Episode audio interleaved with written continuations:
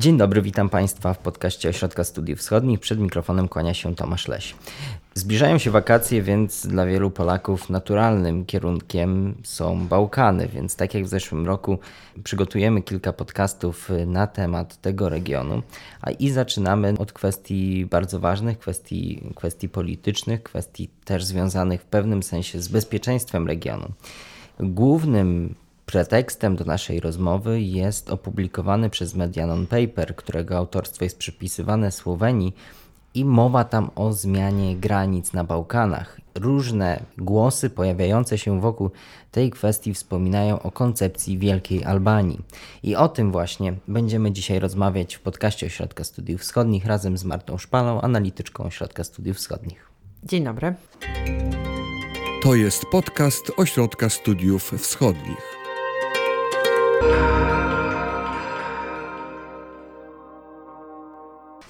Tak jak wspominałem, pretekstem do tej naszej rozmowy jest ten dokument, którego autorstwo jest przypisywane Słowenii. Co to za dokument, o czym on stanowi, co on proponuje, bo jak rozumiem, jest to pewnego rodzaju propozycja. Niedawno media bośniackie opublikowały dokument nazwany non-paper, jako taki dokument, który był konsultowany w wysokich kręgach y, instytucji Unii Europejskiej E, której autorstwo tego dokumentu jest nieznane. Media sugerują, że e, przygotował, przygotowany został ten dokument e, w kancelarii premiera Słowenii Janeza Janszy. I to jest taki dokument takiej gruntownej przebudowy Bałkanów, jeśli chodzi o właśnie organizację państwowo-terytorialną. I ona zakłada między innymi unifikację Kosowa i Albanii oraz podział Bośni pomiędzy Serbię i Chorwację. Ten dokument się odbił szerokim echem w mediach, przede wszystkim na Bałkanach, ale też, e, też w Unii Europejskiej, jako taka właśnie idea jak zagwarantować stabilizację na Bałkanach, że tutaj bez e, granic, e, bez zmiany granic się mm, nie, nie obędzie. Natomiast e, ciekawe jest to, jak serbskie media donosiły o tym dokumencie i one przede wszystkim skupiły się na tej kwestii czy zagrożeniu związanym z ideą powstania właśnie Wielkiej Albanii na terytorium Bałkanów. Mhm. Ta idea nie jest nowa, już się pojawiała. To prawda. Natomiast to jest bardzo ciekawe właśnie, jak e, ta, ta idea Wielkiej Albanii funkcjonuje w świecie, czy powiedzmy w świecie nauki, czy w świecie publicystyki. I co warto podkreślić, to, nie, e, to, to określenie Wielka Albania nie jest, e, nie jest terminem albańskim. Albańczycy nie używają takiego terminu, nie mówią o, nie mówią o Wielkiej Albanii w takim albańskim dyskursie naukowym, ale też jakby politycznym raczej funkcjonuje takie określenie, jako, które mówi o mm, Albanii etnicznej. Ewentualnie czasami mówi się o zjednoczeniu y, ziem albańskich, y, czy właśnie zjednoczeniu narodowym wszystkich Albańczyków.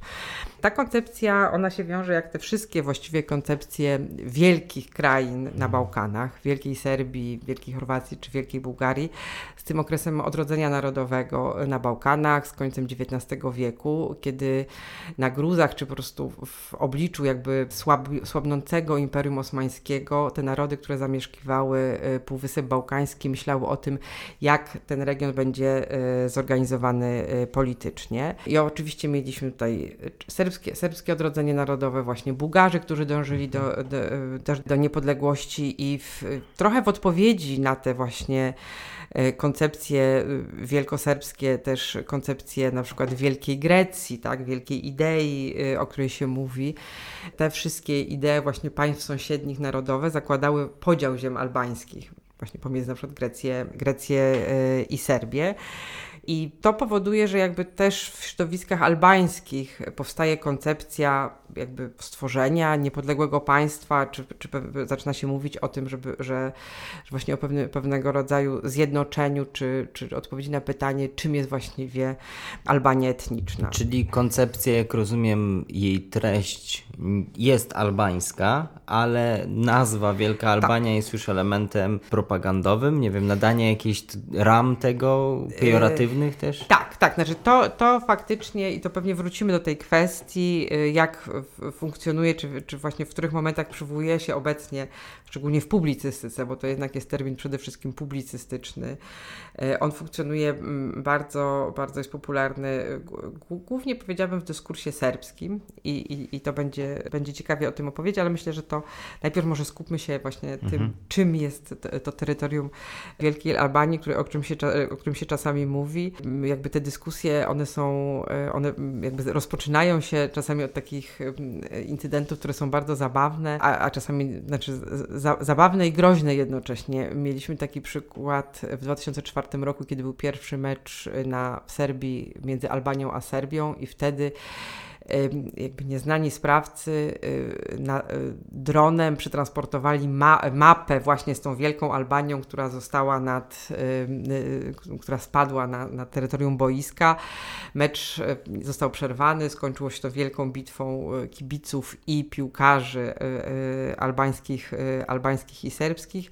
I czasem te mapy też się pojawiają. Tutaj też warto podkreślić, że mm, Albańczycy obecnie. Mm, to Albańczycy je produkują? Tak, Naj, najczęściej jednak jakby tak odwo odwołując się właśnie do tego, do, do, do, do pewnego rodzaju swojej, a tutaj pytanie jest, na ile to jest jakby nawoływanie do zjednoczenia, na ile to jest podkreślenie tego też, że mm, jakby w trochę w odpowiedzi na taki dyskurs, powiedziałbym, słowiański na Bałkanach, że Albańczycy są jednak ludem autochtonicznym, ponieważ taka y, duży mm, kryzys, czy duże poruszenie, może głównie w mediach społecznościowych, ostatnio wywołała Dua Lipa, piosenkarka pochodzenia albańskiego, której rodzice pochodzą z Kosowa, która umieściła na swoim Twitterze y, właśnie tą mapę, y, podkreślając, że, że ludność albańska jest autochtoniczna, a nie jak czasami się pisze o niej w, w właśnie w, czy w serbskim piśmiennictwie, czy właśnie takim słowiańskim, że, że Albańczycy są ludnością napływową, czy jakby nie tamtejszą. I, I to też spowodowało właśnie wielkie, wielkie, poruszenie, wielkie poruszenie w mediach. Natomiast je, jeżeli mówimy o tym, jakie to, jakie to było terytorium, czy jakie to było terytorium historyczne, no to mówimy o tej jakby Albanii etnicznej, która składała się z, z takich czterech wilajetów. Wilajety to były jednostki terytorialne e, w Imperium Otomańskim. Mówi, tutaj mówimy o, wi, o wilajecie Szkodry, Kosowa, Manastiru, to jest obecna Bitola e, w Macedonii i Która zajmuje, znajduje, się, znajduje się w Grecji. I w tych czterech wilajetach we wszystkich Albańczycy stanowili większość, natomiast dominowali jedynie w tym wilajecie szkoderskim. W pozostałych było ich około mm, tak mniej więcej 55-62%. Mm, to, to, to były te tereny, które właśnie wtedy, początku XX wieku, mm, były zamieszkane, y, zamieszkane przez Albańczyków. I faktycznie w 1912 roku Albania ogłasza niepodległość. W momencie jakby ogłoszenia niepodległości to faktycznie mówi się o tych y, szerokich terytoriach albańskich, natomiast to się nie udaje. Czyli o tych czterech. Tak, mówię, tak, że tutaj jeszcze Kosowo będzie wchodziło w, w skład Albanii, natomiast te granice, granice Albanii zostają y, ustanowione w 1913 roku na mocy traktatu w Londynie. E, no i faktycznie okazuje się, te, te granice są zbieżne z tymi granicami obecnymi e, państwa albańskiego. No i 40% e, ziem zamieszkałych przez Albańczyków i 50% ludności albańskiej pozostaje poza granicami tego nowego państwa. Czyli to państwo jest takim właściwie Y, takim państwem y, kadłubowym, można powiedzieć. Tutaj można to porównać do Węgier, które też po, po, po I wojnie światowej mm, jakby straciły znaczną część swojej ludności, która była poza terytorium, terytorium państwa węgierskiego i w przypadku Albanii jest dokładnie tak samo. Oczywiście rodzi to pewien sentyment wtedy w środowiskach albańskich, że te ziemie właśnie zostały utracone, że Kosowo, y, że Kosowo nie jest albańskie. Natomiast ta data 913 rok, ona pokazuje właśnie ten moment, no jednak podziału tej społeczności, która kiedyś jednak funkcjonowała w jednym, w obrębie jednego, y, y, jednego organizmu państwowego, Imperium Osmańskiego. No i tak jak tak jak w przypadku jakby innych narodowości bałkańskich, ta kwestia tego, że, e, że, że to kiedyś było jedno państwo, e, narody się były przemieszane, zamieszkiwały różne, różne tereny, to jednak te granice było dość trudno wyznaczyć. Znaczy, nie, nie, nie, można było powiedzieć, które terytoria są jakby, jedno, jakby jednoznacznie powinny być przynależne e, przynależne do jednego państwa. Ale to, co dzisiaj, te mapy na przykład, o których wspominałaś, e, one przewidują, że do dzisiejszej Albanii mają być dołączone też te część Tak, znaczy- Kosowo, oczywiście, tak, część Macedonii i część Grecji. Tak, tak. Te mapy się właśnie odnoszą do tego, powiedzmy, tych czterech wilajetów, y, o których mówiłam y, wcześniej. Co jest ciekawe, co jakby odróżnia to- odrodzenie narodowe, czy funkcjonowanie takiej idei zjednoczeniowej w, myśli albańskiej, to jest to, że ona jednak jest pozbawiona takiego, takich odwołań do średniowiecznego państwa. To znaczy zarówno Serbia, jak i Bułgaria, czy jakby serbskie, serbskie odrodzenie narodowe, czy bułgarskie, czy chorwackie odnoszą się najczęściej do tych średniowiecznych państw. Które funkcjonowały trochę w innej, w, na innych terytoriach, przy innym układzie etnicznym na Bałkanach. Ta idea Albanii etnicznej, ona się odnosi jednak do, właśnie przede wszystkim do kategorii etnicznej, czyli tego, gdzie ci Albańczycy rzeczywiście, rzeczywiście mieszkali.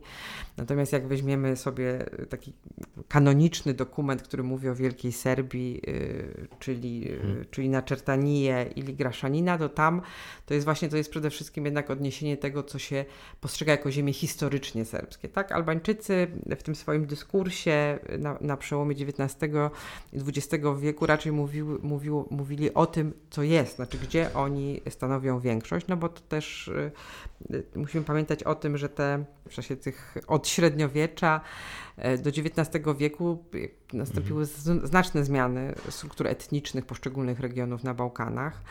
No i one jak będą rzutowały na, na, na obecne problemy z wytyczeniem tych nowych granic po I wojnie światowej, no ale tak naprawdę to, to, to są tak, takie kwestie, które rezonują do dziś, tak, jeżeli mówimy o pretensjach serbskich, y, jeśli chodzi o Kosowo, no to one się przede wszystkim odwołują do racji historycznych, a nie do racji etnicznych, bo Serbowie już od dawna e, są mniejszością e, e, na tym terenie.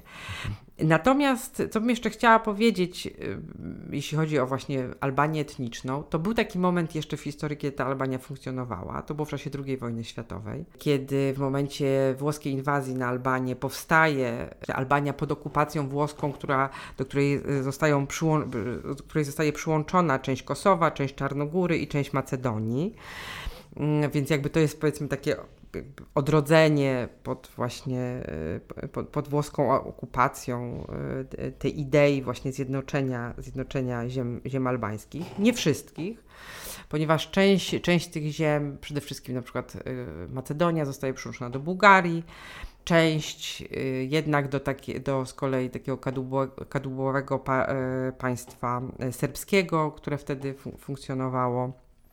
Dotyczy przede wszystkim Mitrowicy y, y, w Kosowie. Natomiast to był ten, ten, ten jeden moment, kiedy, kiedy ta Albania faktycznie miała może takie granice bliskie tej, y, tej Albanii etnicznej.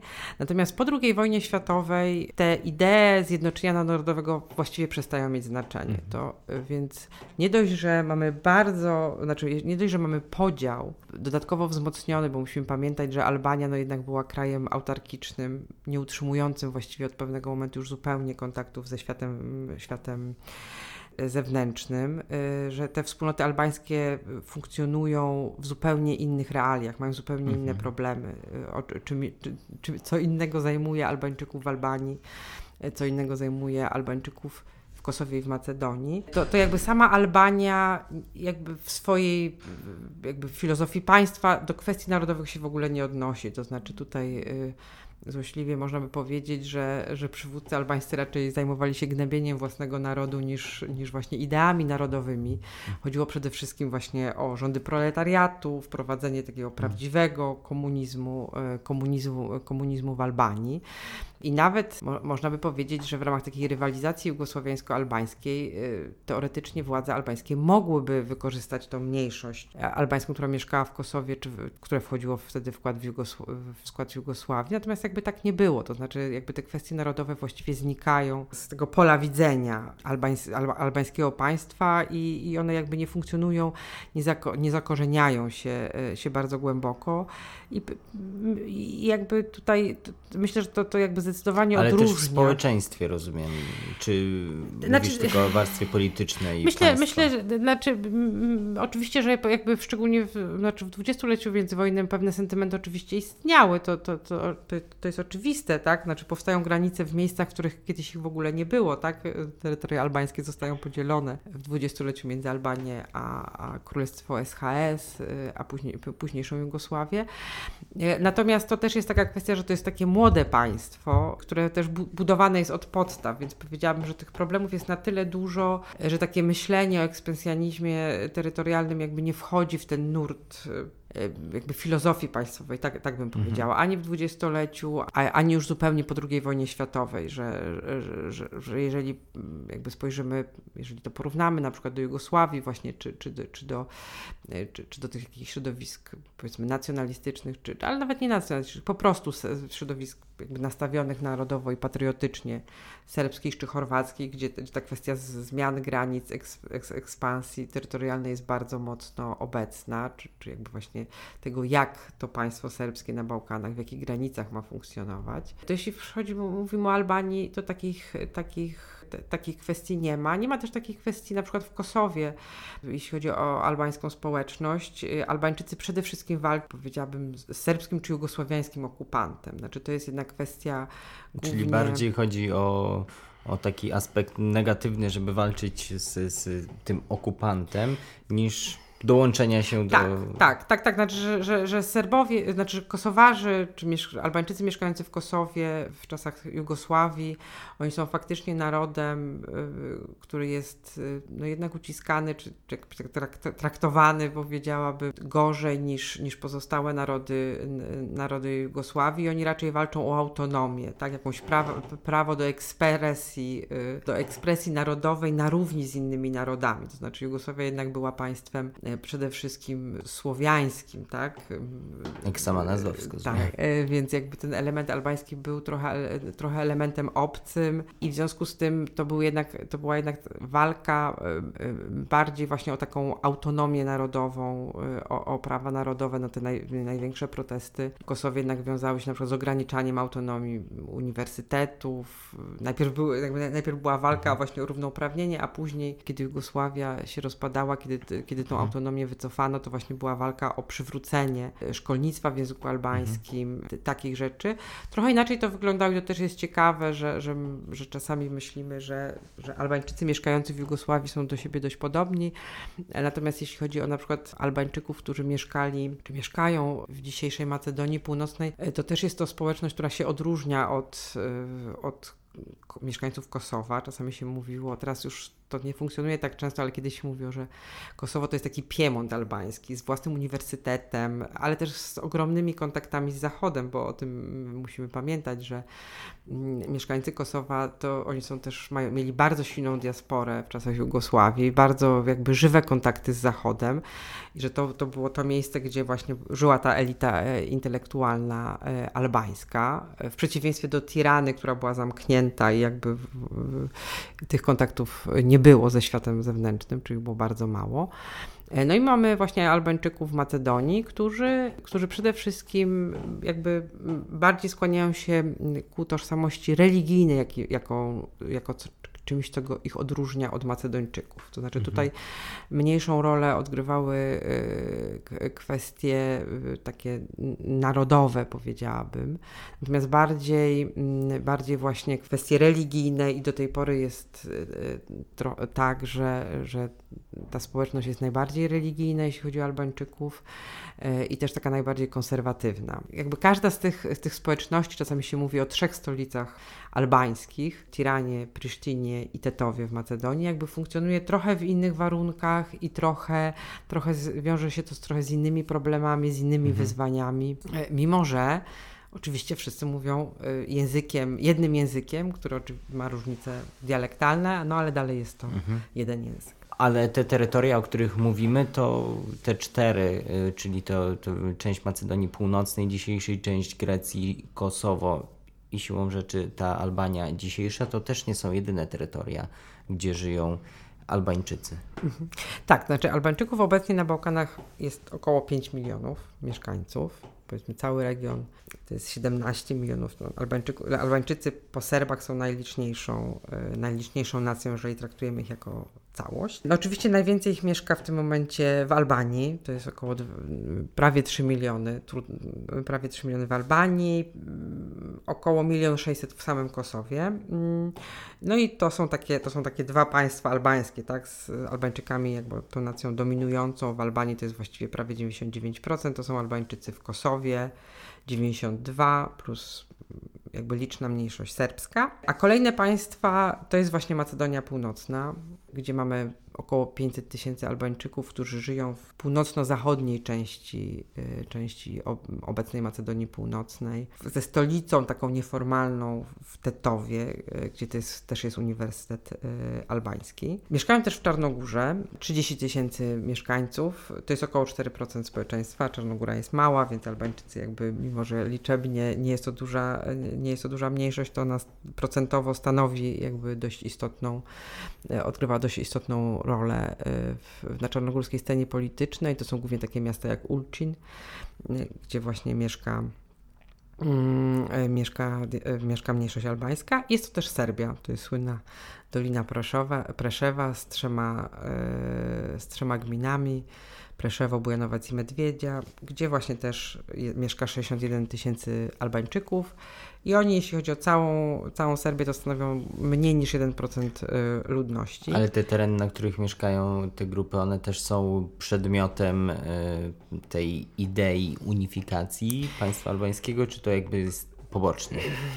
Ja bym powiedziała tak, że w tym momencie jakby żadna partia polityczna nie mówi o unifikacji. Albańskiej. Yy, yy, tak, unifikacji, unifikacji albańskiej. Niemniej jednak to są takie kraje, które właśnie, gdzie, gdzie Albańczycy mieszkają. Jest taki ciekawy dokument, który został wydany w 1998 roku, który wydała Albańska Akademia Nauk i oni właśnie ogłosili program dla yy, rozwiązania albańskiej kwestii narodowej.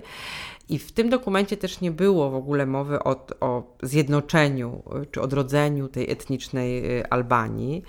Nawet co ciekawe, i pamiętajmy, że to był 98 rok, czyli właśnie to był ten moment, kiedy już w Kosowie było bardzo trudno i, i, i dochodziło do już pewnych pierwszych, y, pierwszych potyczek między partyzantką albańską a armią serbską.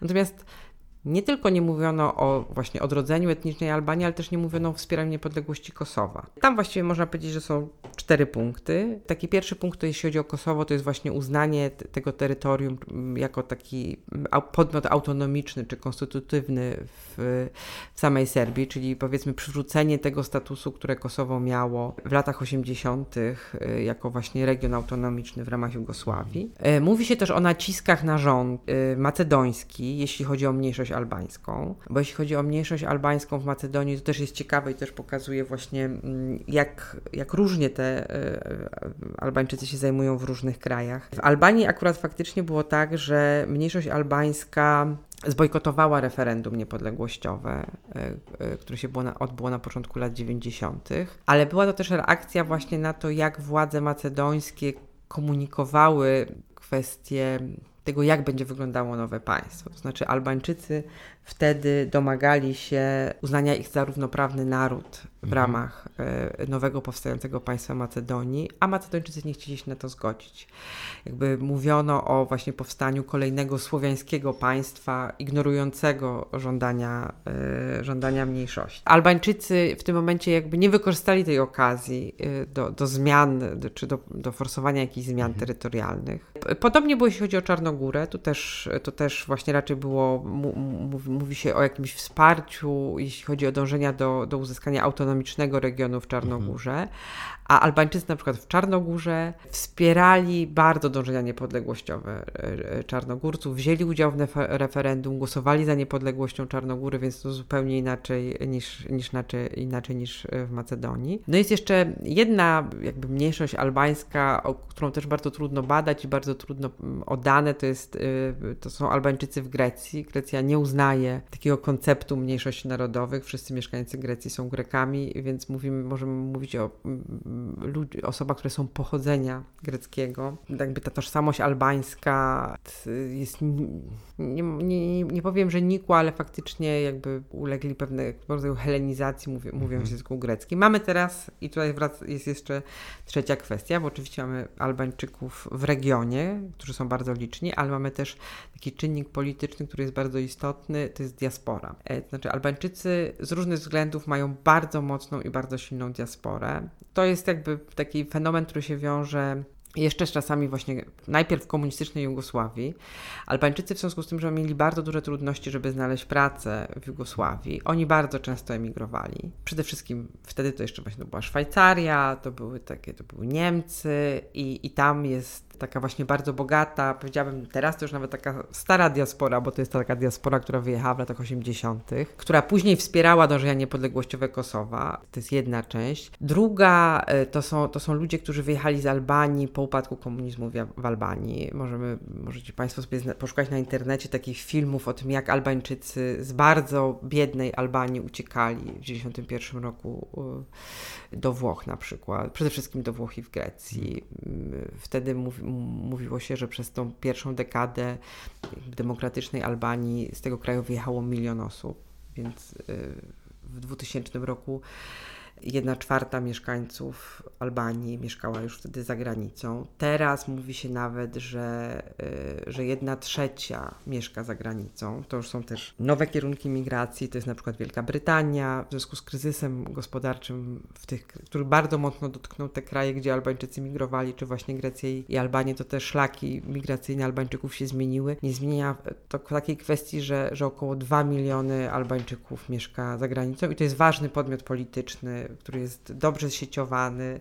To są te, to są te gwiazdy pop, o których właśnie wspomniałam. To jest Dua Lipa, to jest Rita Ora. Tutaj mamy bardzo dużo takich piosenkarek właśnie, które pochodzą z tego regionu i też jakby wspierają ich czasami finansowo, ale też czasami na Rita Ora nagrywa piosenki w Kosowie, przyjeżdża z koncertami, jakby ta kwestia albańska y, jakby gdzieś funkcjonuje w, Dua na Lipa też. Tak, to Dua Lipa mniej, ale, ale bo tutaj Rita Ora jest taka bardziej zaangażowana y, politycznie, natomiast y, faktycznie jakby to funkcjonuje. Natomiast co ja bym powiedziała o właśnie idei zjednoczenia Albanii wtedy na w latach 90., ale też właśnie w całym XX wieku. To jest bardzo ciekawe, że Albańczyków faktycznie cechuje taki taki większy realizm polityczny. To znaczy, że, że właśnie te idee zjednoczenia ziem etnicznie albańskich, one nie są, nie, nie, są, nie są na sztandarach, to nie są takie kwestie, które są priorytetowe dla polityk, polityków albańskich. Ale one są na zasadzie mamy to gdzieś z tyłu głowy, ale mamy na dzień dzisiejszy większe problemy, czy w ogóle się tym nie zajmujemy i traktujemy to na zasadzie jakichś rozważań publicystycznych, co by było gdyby. Mhm. Znaczy ja myślę, że to jest myślę, że, je, że, że to jest trochę kwestia, to psychologiczna bardziej chyba psychologii narodu te, też w jakimś sensie, no bo faktycznie trochę jest tak, że Albania po upadku komunizmu to jest najbiedniejsze państwo y, Europy, które ma jakby ogromne problemy. W związku z tym ta kwestia, kwestia narodowa czy etniczna jakby nie jest tym, czym, co, co zajmuje e, jakby zwykłych ludzi. To bardziej chodzi o to właśnie, żeby jakby kwestie, ja bym nawet powiedziała, że egzystencjalne są bardzo ważne, czy kwestie po prostu przeżycia, zdobycia jedzenia, e, zdobycia pieniędzy na, na, na leki, na podstawowe kwestie. I to powoduje, że, tak, że te kwestie narodowe, które rozpalają wtedy Jugosławię, wybuchają wojny, wybucha wojna w Bośni, wybucha wojna w, w, Chorwacji, one Albańczyków zajmują mniej. Oczywiście w Kosowie jest troszeczkę inaczej, ale też raczej mówimy, bo, bo Kosowo przygotowuje się do referendum, ogłasza niepodległość w 1991 roku. Niemniej jednak ta presja ze strony serbskiej jest na tyle mocna, że też jakby mniej się mówi o zjednoczeniu z Albanią, bardziej się mówi właśnie o budowie jakby swojej, mhm, jakby wbiciu się na, na niepodległość, na, czy na, na początku o szerokiej bardzo autonomii, o odzyskaniu autonomii, jeśli chodzi o Kosowo, później dopiero właśnie o niepodległości, ale to też jakby tutaj punktem odniesienia są Serbowie, tak, jako ta, ta nacja powiedzmy, która uciska mhm. Kosowarów. Te dwie grupy społeczne, te dwie wspólnoty żyją na to trochę innych mhm. warunkach. Powiedziałabym, i to jest ciekawe i to też jest tak trochę, myślę, że, że nie, jest, nie, nie jest do końca uświadomione, że jednak pojawiają się dość duże tarcia. To znaczy, z jednej strony to są takie opowieści, szczególnie z Albanii, y, że wtedy, kiedy granice albańskie się otwierają, to przyjeżdżają do, do Albanii y, Albańczycy z Kosowa, którzy mają pieniądze i trochę są tak traktowani trochę tak że według Albańczyków, którzy właśnie żyli w swoim państwie, byli przekonani o własnej wyjątkowości, nagle się po prostu pojawiają ci ubodzy krewni z Kosowa, którzy ekonomicznie sobie o wiele lepiej radzą, tak? bo mieli właśnie silną diasporę, która ich wspierała, dobre sieci za granicą, więc finansowo i ekonomicznie Kosowo było zdecydowanie stało wyżej w porównaniu z Albanią i to, to jest właśnie takie bogaty zderzenie. wujek, który wyjechał, wrócił bogaty i teraz próbuje tak. nam tutaj życie układać. Tak, tak, więc jakby to nie jest wcale tak, że, że, ta, że to jakby to odkrycie, czy, czy jakby ponowne, czy jakby ta intensyfikacja kontaktów, która oczywiście nastąpiła,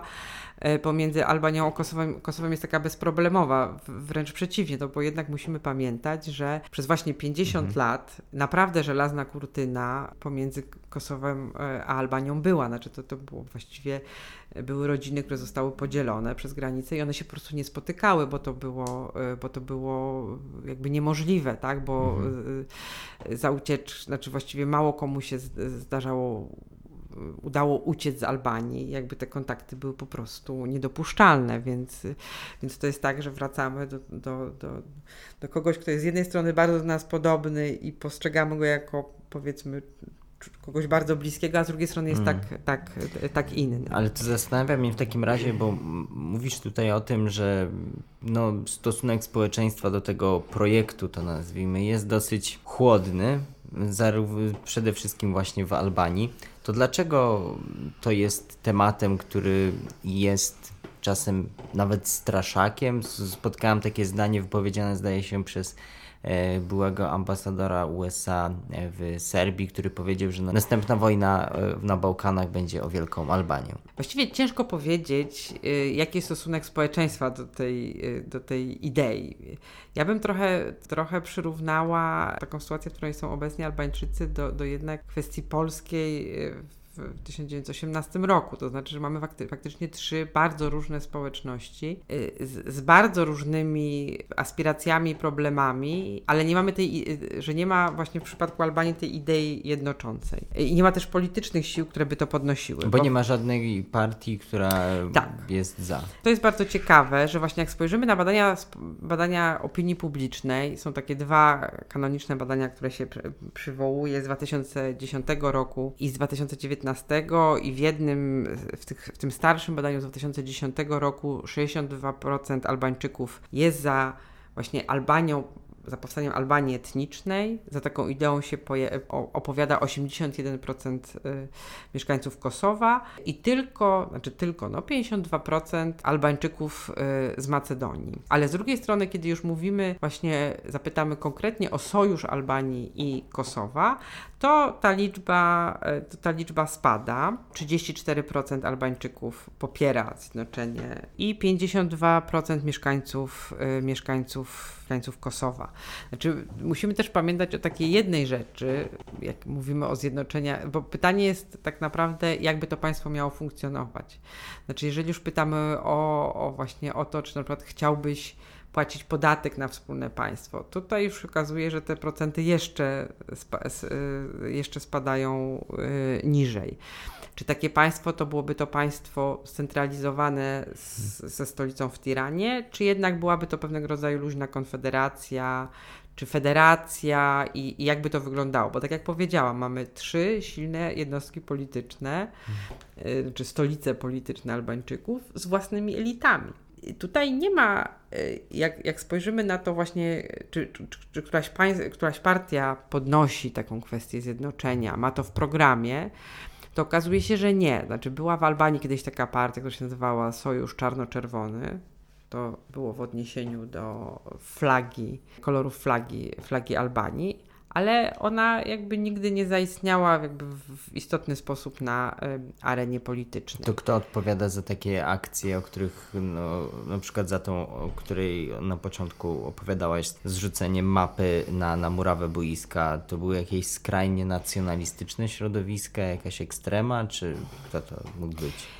Ja bym powiedziała, że to jest raczej taka kwestia trochę takiej dążeń do faktycznie uznania Albańczyków, bo, bo to jednak widać, jak się mówi o, o, o Bałkanach, to bardzo często się mówi o Jugosławii minus Kosowo. To, to czasami też, też widać, jak teraz się, są różne badania, jeśli chodzi o jugonostalgię, to, to jest takie, takie po, po, powszechne przekonanie, że właśnie wszyscy Jugosławianie jakby tęsknią za tą Jugosławią w różnym stopniu, ale że to jest taka właśnie jest taka idea i że w Jugosławii wszystkim się, wszystkim się żyło dobrze. Natomiast jak zbadamy Albańczyków, to okazuje się, że ani Albańczycy w Kosowie, ani Albańczycy w Macedonii, Jugosławii dobrze nie wspominają, wręcz przeciwnie, mówią, że te państwa, które są obecnie są, e, em, są lepsze, tak, mimo że, że czasami to jest tak, że, że ekonomicznie e, żyje się nim gorzej. I myślę, że po prostu to jest taka, tak, tak, tak, takie właśnie kwestie z dronami, to są raczej reakcje Albańczyków na to, że czasami się kwestionuje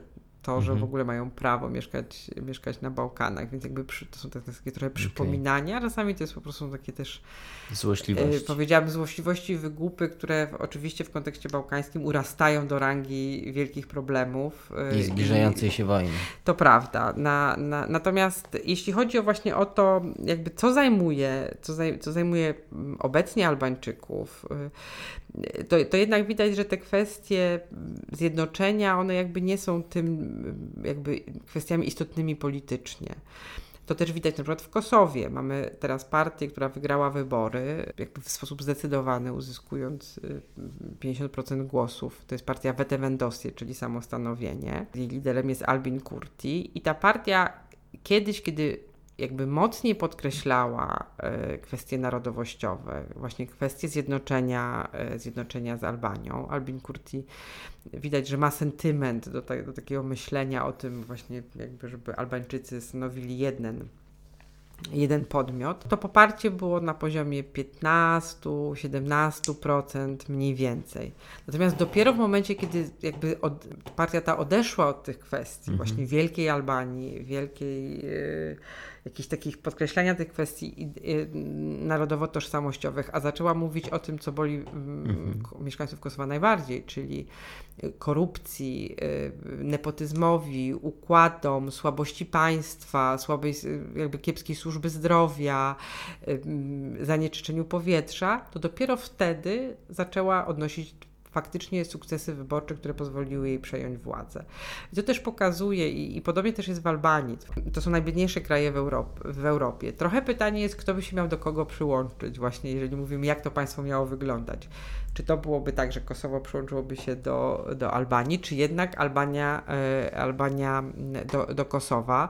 Długi czas mówiono oczywiście o tym, że Albania miałaby być, jakby tak, no, jakby państwo, które się nazywa Albania, powinno być tym czynnikiem zjednoczeniowym. Natomiast Albania to jest państwo, które ma ogromne problemy z własną państwowością i, i rozwojem ekonomicznym. W latach 90. to państwo, właśnie struktury państwa w 97 roku się załamały całkowicie. Y, Mieszkańcom Kosowa, którzy byli przyzwyczajeni do standardów Jugosławii, do dobrej administracji, do lepszego ekonomicznie poziomu życia, no Albania nie była dla nich punktem odniesienia, więc takie mówienie o tym, że jakby przyłączymy się, znaczy, że jednak jak kraje się jednoczą, jak, jak pomyślimy sobie na przykład o RFN i NRD, no to mamy bardzo bogate państwo, do którego przyłącza się Biedne. e, e, państwo biedne. A tutaj mamy dwa państwa na podobnym poziomie rozwoju, z korupcją, ze swoją mafią, ze swoimi strukturami jakby nepotyzmu i klientelizmu. I jakby zjednoczenie takich, e, takich jednostek jest po prostu bardzo trudne, a z punktu widzenia jakby interesów politycznych grup rządzących właściwie niemożliwe, bo to widać szczególnie teraz. I też było, w tym roku mieliśmy wybory i w Albanii, i w Kosowie. W Kosowie był to jeden z najbardziej demokratycznych wyborów na Bałkanach. Mamy tam właściwie wolną prasę i właśnie Vete Vendosie, partia antyestablishmentowa, przejmuje władzę. Natomiast w Albanii mamy taki spetryfikowany system, taki duopol partyjny, partia demokratyczna, partia socjalistyczna, które opierają się na własnych sieciach klientystycznych. Właściwie nie ma wolnych mediów i jakby w ten sposób Edi Rama wygrywa wybory. I teraz w, w tym kontekście to te elity kosowskie są dla Ediego Ramy bardzo dużym zagrożeniem i tak naprawdę konkurentem. I te kraje widać, że też się rozwijają w zupełnie inny sposób, tak? Mamy po prostu jeden właśnie taki bardzo niedemokratyczny system sprawowania władzy w Albanii i demokratyczne, Mhm. rozpolitykowane po Kosowo, więc przyłączenie Kosowa teraz do Albanii tak naprawdę Jest byłoby... zagrożeniem dla obu stron tak Tak, naprawdę. znaczy jest na pewno zagrożeniem dla, dla elit albańskich, więc... y, Dla to- kosowskich też w pewnym sensie mogą zostać zmarginalizowane. E, To prawda. No i tutaj właśnie to jest, to, i to jest jakby druga taka kwestia, że jednak y, ja, ja jestem zwolenniczką takiej teorii, że, że szczególnie elity polityczne to lubią być jednak samorządne. I w przypadku Kosowa no to jest właśnie kwestia rezygnacji z pewnych prerogatyw. Właśnie pytanie jest, na jakich zasadach do tego zjednoczenia miałoby dojść.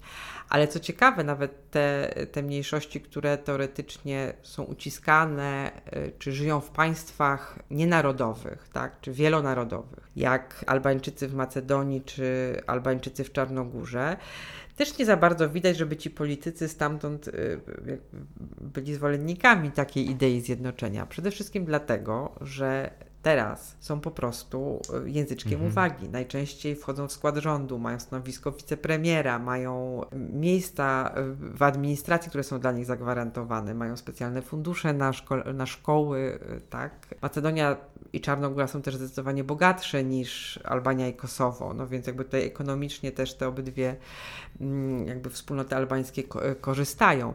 W momencie zjednoczenia to stałyby się peryferyjnymi y, częściami Albanii.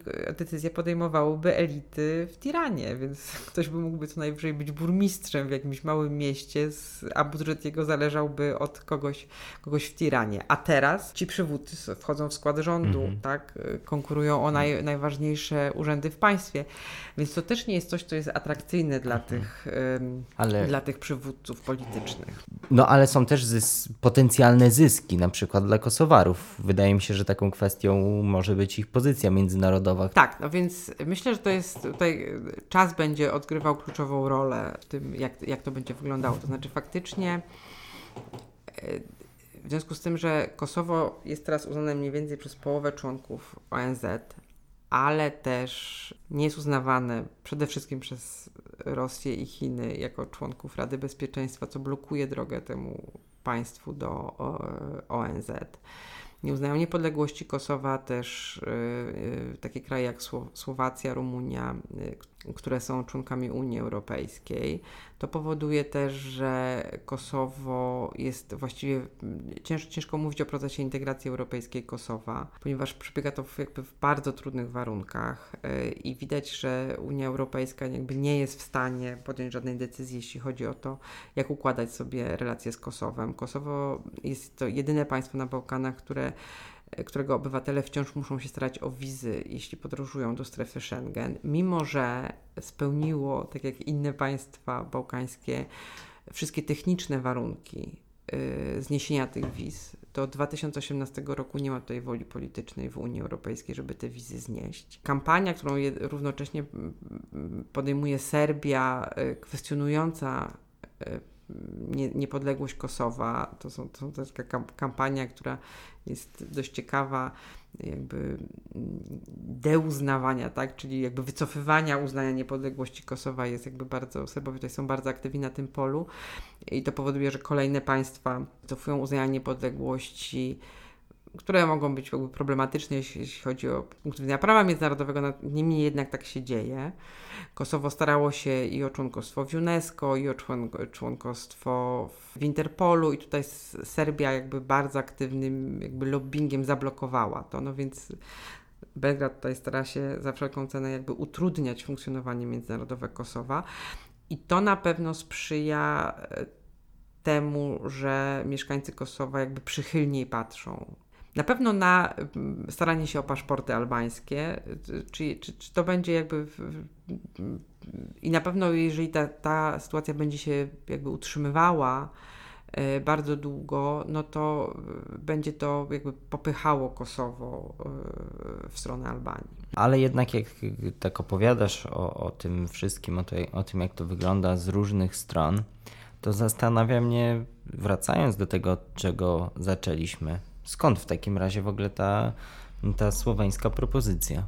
Na pewno jest, jest kilka osób, czy są takie środowiska, które uważają, że powiedziałabym, trzeba dokończyć to, czego się nie udało w ramach wojen, wojen bałkańskich.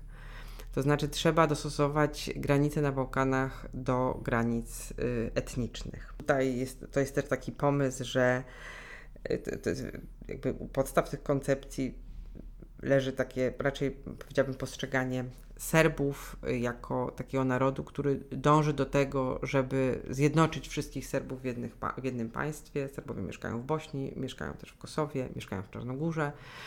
I że dopóki ta kwestia narodowa nie zostanie rozwiązana, bardziej serbska powiedziałabym niż, niż, niż, niż, niż albańska, to, y, to Bałkany nie będą stabilne. To znaczy, że właśnie bez jakby tego nowego wytyczenia granic y, y, to się nie uda. I te koncepcje się pojawiają. One się czasami pojawiają jako jakby taka właśnie cało, całościowa przebudowa, tak jak właśnie ten non-paper, jakby narysujmy te granice jeszcze hmm. raz od początku, albo w takich w takich wariantach kadłubkowych. Tutaj możemy mówić o polityce Donalda Trumpa wobec Bałkanów E, Donald Trump podczas swojej prezydentury mm, jakby chciał mieć sukces międzynarodowy i miał być jako właśnie Kosowo i chciał e, to załatwić w ten sposób, że tak powiem, mm, nie, uznanie niepodległości za terytorium, tak? Czyli że Serbia dostanie część terytorium Kosowa, a, a za to uzna niepodległość. E, I ja bym powiedziała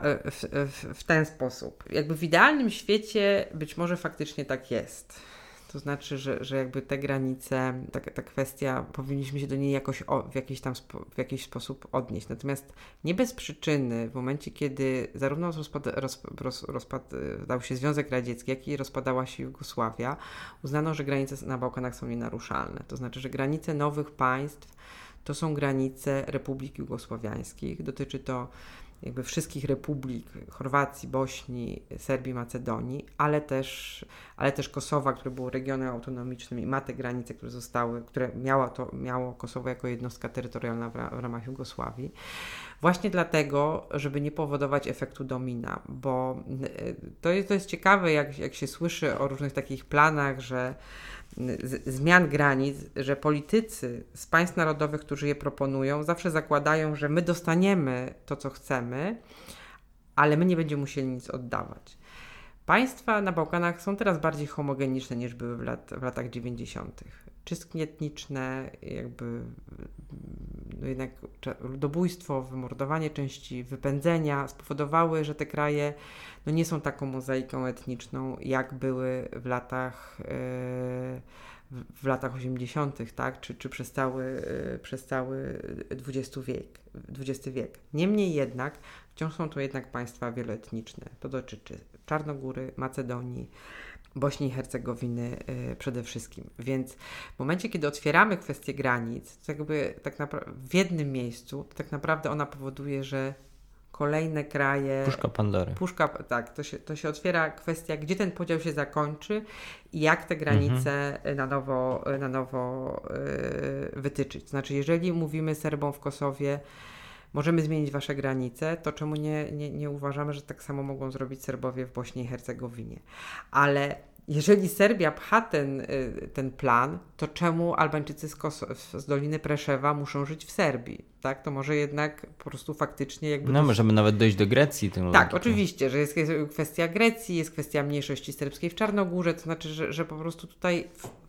Cała ta architektura państwowa, państwowa y, y, się wali. W tym dokumencie i też w tych koncepcjach, które są przedstawiane, jest takie trochę założenie, że, że istnieje w tym momencie na arenie międzynarodowej taki konsensus, że główne mocarstwa siądą i rozpiszą te, roz, jakby te granice, jakby wytyczą na nowo. Tak jak właśnie trochę w ramach I wojny światowej, że siedli przywódcy i po prostu narysowali te granice.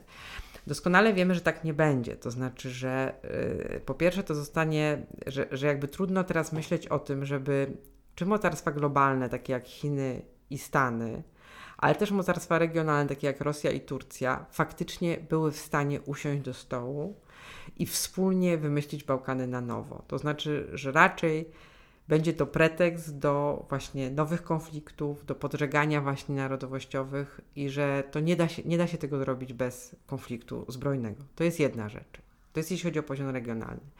Natomiast mówimy też o poziomie międzynarodowym, bo jeśli, mów, jeśli mówimy, że można zmieniać granice, to co z Krymem? Co z państwami bałtyckimi? To znaczy, jest jeszcze trochę krajów w Europie, które nie mają granic takich, jak one, jakby nie, te ich granice państwowe nie odpowiadają granicom etnicznym. Więc jakby zerwanie z tą zasadą, granice w Europie są nienaruszalne, e, będzie miało poważne reperkusje. I Rosja, która jakby bardzo chętnie przykle- przyklaśnie e, zmianie granic na Bałkanach, przynajmniej formalnie, bardzo szybko to wykorzysta w swojej polityce wobec bliskiej zagranicy. Więc musimy bardzo uważać e, z proponowaniem tego, tak, tego typu rozwiązań. To jest ktoś, kto w ogóle popiera ten pomysł słoweński? Ja bym powiedziała, że są, są, są, zawsze są tacy politycy i eksperci, którzy uważają, że, że proste rozwiązania są najlepsze. Znaczy ja się, ja się zasadniczo z tym nie zgadzam.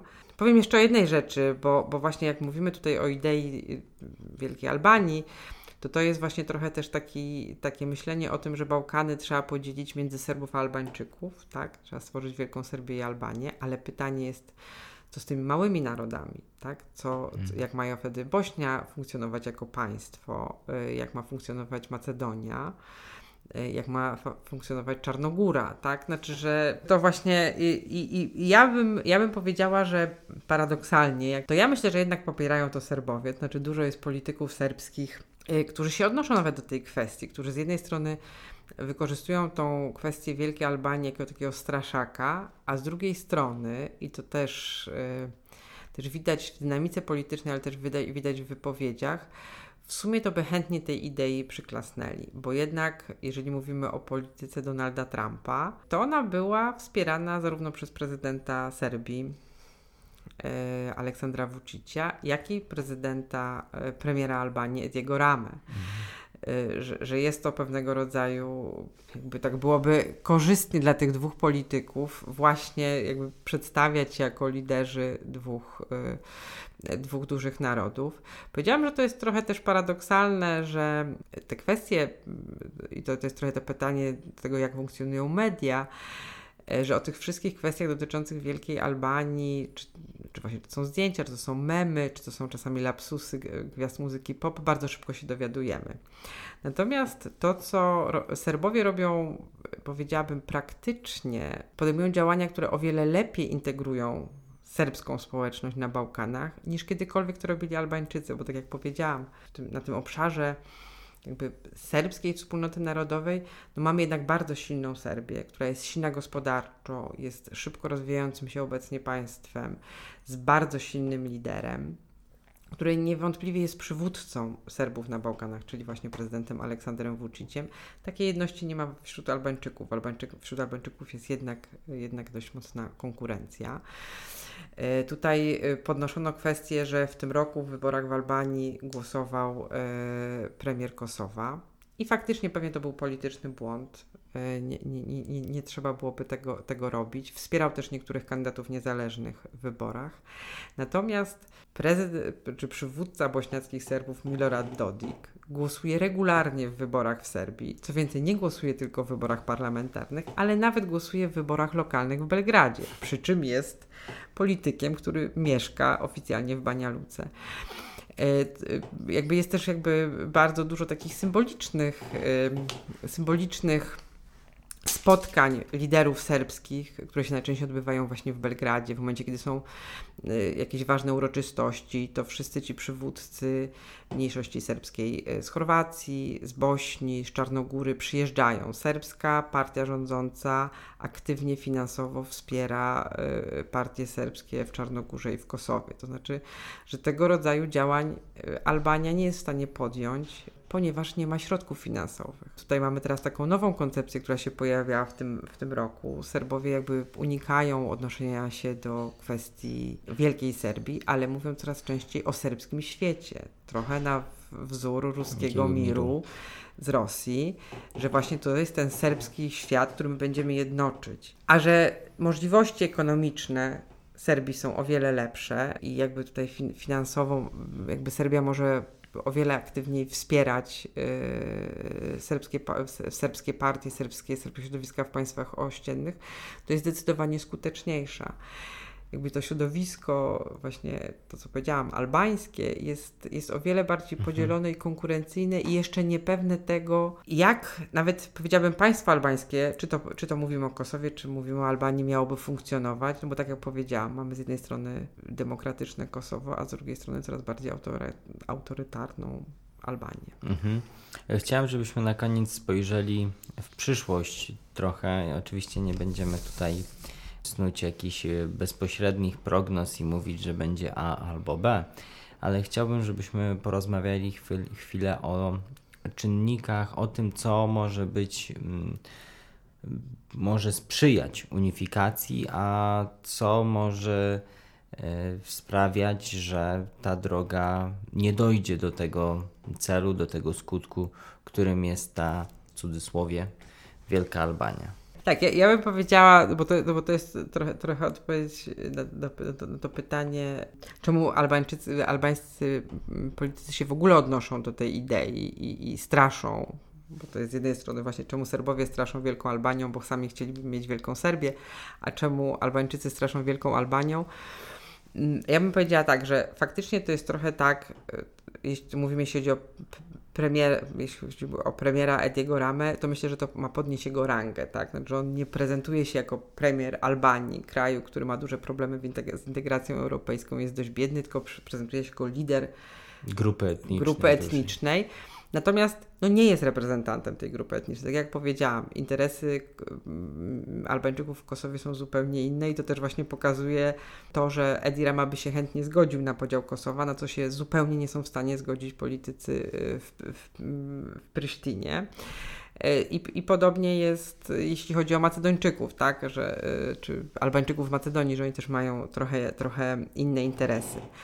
Więc jedna sprawa to jest jakby podnoszenie swojej rangi na arenie międzynarodowej, ale druga sprawa, i myślę, że to jest bardzo ważne, szczególnie w ostatnich latach, i to też powiedział właściwie Edi Rama bardzo wprost. On w 2005 roku powiedział, że unifikacja Kosowa i Albanii jest nieunikniona. Pytanie, czy to się stanie, stanie w ramach Unii Europejskiej, Europejskiej, czy to będzie reakcja na bezczyn, bezczynność Unii. Jeśli mówimy o takim pragmatyzmie albańskim, właśnie czemu ta kwestia zjednoczenia nie była podnoszona, y, to że jednak już pod koniec lat 90. to była taka jasna, jasna wizja, na pewno w Albanii, znaczy może jasna, ale była wizja w Albanii i, i później już też w Kosowie, że granice przestaną mieć znaczenie, bo wszyscy będziemy w Unii Europejskiej, więc nie warto o nie walczyć. To, na czym się musimy skupić, to na reformach, które pozwolą nam y, wstąpić y, y, razem, do, razem do Unii Europejskiej. To też bardzo widać, że głównie premier Edi Rama podnosi tą kwestię unifikacji właśnie jako taki element strategii nacisku na Zachód, żeby proces integracji europejskiej Bałkanów przyspieszył. To znaczy, że, że, że ja się tutaj jakby Y, zgadzam z, z, z no, Ale inne jego działania nie pomagają. Tak, oczywiście, że, że to jest, że, że, że i, i powiedziałam tak, jest to też ta strategia, ja myślę, że tutaj też Albańczycy w, w pewien sposób uczą się od Serbów, y, tak, tak jak powiedziałabym, szantażowania kryzysem, y, bo Serbia też w pewnym momencie miała jakby jej pro, proces, postępy w jej procesie integracji europejskiej były związane najczęściej znaczy nie były związane z osiągnięciami merytorycznymi czy wdrażaniem reform, ale właśnie jakimś takim szantażowaniem kryzysem. E, jakby wyda, wyda, wydano do Hagi Radko Mladicia, to otworzono negocjacje akcesyjne, więc tutaj Albańczycy też trochę próbują takich, takich elementów pozamerytorycznych, powiedziałabym, nacisku na Unię, Europejskiej, na, na Unię Europejską. To jest jedna rzecz. A druga rzecz jest taka, właśnie, które czynniki będą sprzyjać y, integracji, czy, czy, czy, jakby wzmacniać te idee zjednoczeniowe. No to jest właśnie przyszłość y, y, integracji europejskiej, bo jedna sprawa jest oczywiście taka, że te reformy są wdrażane na Bałkanach wolno, ale druga sprawa jest taka, że Unia Europejska, i to widać bardzo mocno, jakby w ogóle nie jest zainteresowana akcesją Bałkanów. I czym mniej będzie, i to też widać, i, i, że czym mniej Unia Europejska e, będzie zainteresowana e, kwestią mm, integracji Bałkanów, tym kwestie granic będą coraz ważniejsze na Bałkanach, bo politycy potrzebują jakichś idei, które urządzają im świat. Znaczy, w momencie, kiedy nie jest to już integracja europejska, bo nikt czy mało polityków wierzy w to, że to się uda osiągnąć, to będziemy mieli powrót do idei nacjonalistycznych. Jakby nic tak niedobrze przykrywa, znaczy nie, ma takich, nic tak niedobrze przykrywa problemów wewnętrznych państwa, jak właśnie jakieś tam odniesienie się do kwestii narodowych. Y, I to też widać właśnie, to też tutaj powiedziałabym, Edi Rama jest zawsze takim dobrym przykładem, bo on też zawsze odwiedza Dolinę Preszewa albo mówi o, o Albańczykach w innych krajach, jak zbliżają się wybory. Zawsze to jest jak, jakaś taka szansa y, na zdobycie marginalnej części w przypadku Albanii, ale jednak jakichś tam głosów, żeby, że się możesz, może on się zaprezentować jako taki właśnie polityk, który mm, opiekuje się wszystkimi mm, Albańczykami. No więc kwestia, myślę, że integracji europejskiej y, regionu będzie, będzie kluczowa, jeśli chodzi o, y, o właśnie kwestię zjednoczenia Kos Kos Kosowa i Albanii. Druga sprawa to jest oczywiście przyszłość Kosowa jako państwa. Tak? Znaczy widzimy, mimo bardzo różnych problemów, że ta państwowość kosowska w ciągu ostatnich lat, 13, jakby się umacnia. Yy, że, że, yy, że to, to też widać, że z jednej strony, że, że Kosowo też walczy yy, o uznanie międzynarodowe. To, to jest bardzo ciekawe, że, że, że, że ta awantura z Dułą Lipą, ona się zaczęła od tego, że y, podpis, podpisano petycję o to, żeby Kosowo pojawiło się na, na mapie którejś z aplikacji y, jednej z firm, do, które, do, która dostarcza software, nie będziemy tutaj wymieniać nazwy, że właśnie tam było tak, że Kosowo było częścią Serbii i było taki rodzaj jakby nacisku na, na właśnie na na te firmy, mm, żeby, żeby to Kosowo się pojawiło na, e, na mapie. Więc jakby widać, że tutaj jakby, nie wiem, kibicowanie własnej drużynie, y, jakby ogromna radość sukcesów olimpijskich y, przedstawicieli Kosowa, więc jest to, jest, jest to taka, jest, jest to na pewno takie dążenie że widać, że, że jakby ta, ta państwowość jest, coraz bardziej się ugruntowuje i to jak ona będzie wyglądała czy Kosowo będzie marginalizowane na arenie międzynarodowej, czy uda się znieść wizy, to będzie miało kluczowe znaczenie. Czym bardziej Kosowo będzie marginalizowane, tym ta sympatia wobec zjednoczenia z Albanią będzie pewnie większa. E, trzecia kwestia to jest, e, to jest też pozycja Albańczyków w państwach ościennych. To już mniej dotyczy Kosowa, bardziej właśnie Macedonii, czy Czarnogóry. E, mamy bardzo duże teraz napięcia w Czarnogórze. Powiedziałabym, że to jest takie właśnie przeniesienie e, czasami konfliktu serbsko, serbsko-albańskiego właśnie na terytorium Czarnogóry i zobaczymy, jak to będzie wyglądało. No i też właśnie to podobnie jest w Macedonii. Jeżeli tutaj Macedo- Albańczycy w Macedonii uzyskali w ostatnich latach bardzo dużo praw w samej Macedonii, to też osłabia jakie, takie właśnie dążenia, które i tak były tam mikrę do, do tego, żeby patrzeć na tiranę jako właśnie y, ten element zbierania powiedzmy ziem, y, y, ziem albańskich. Oczywiście to też jest kwestia elit, to znaczy obecne elity nie są tym zainteresowane.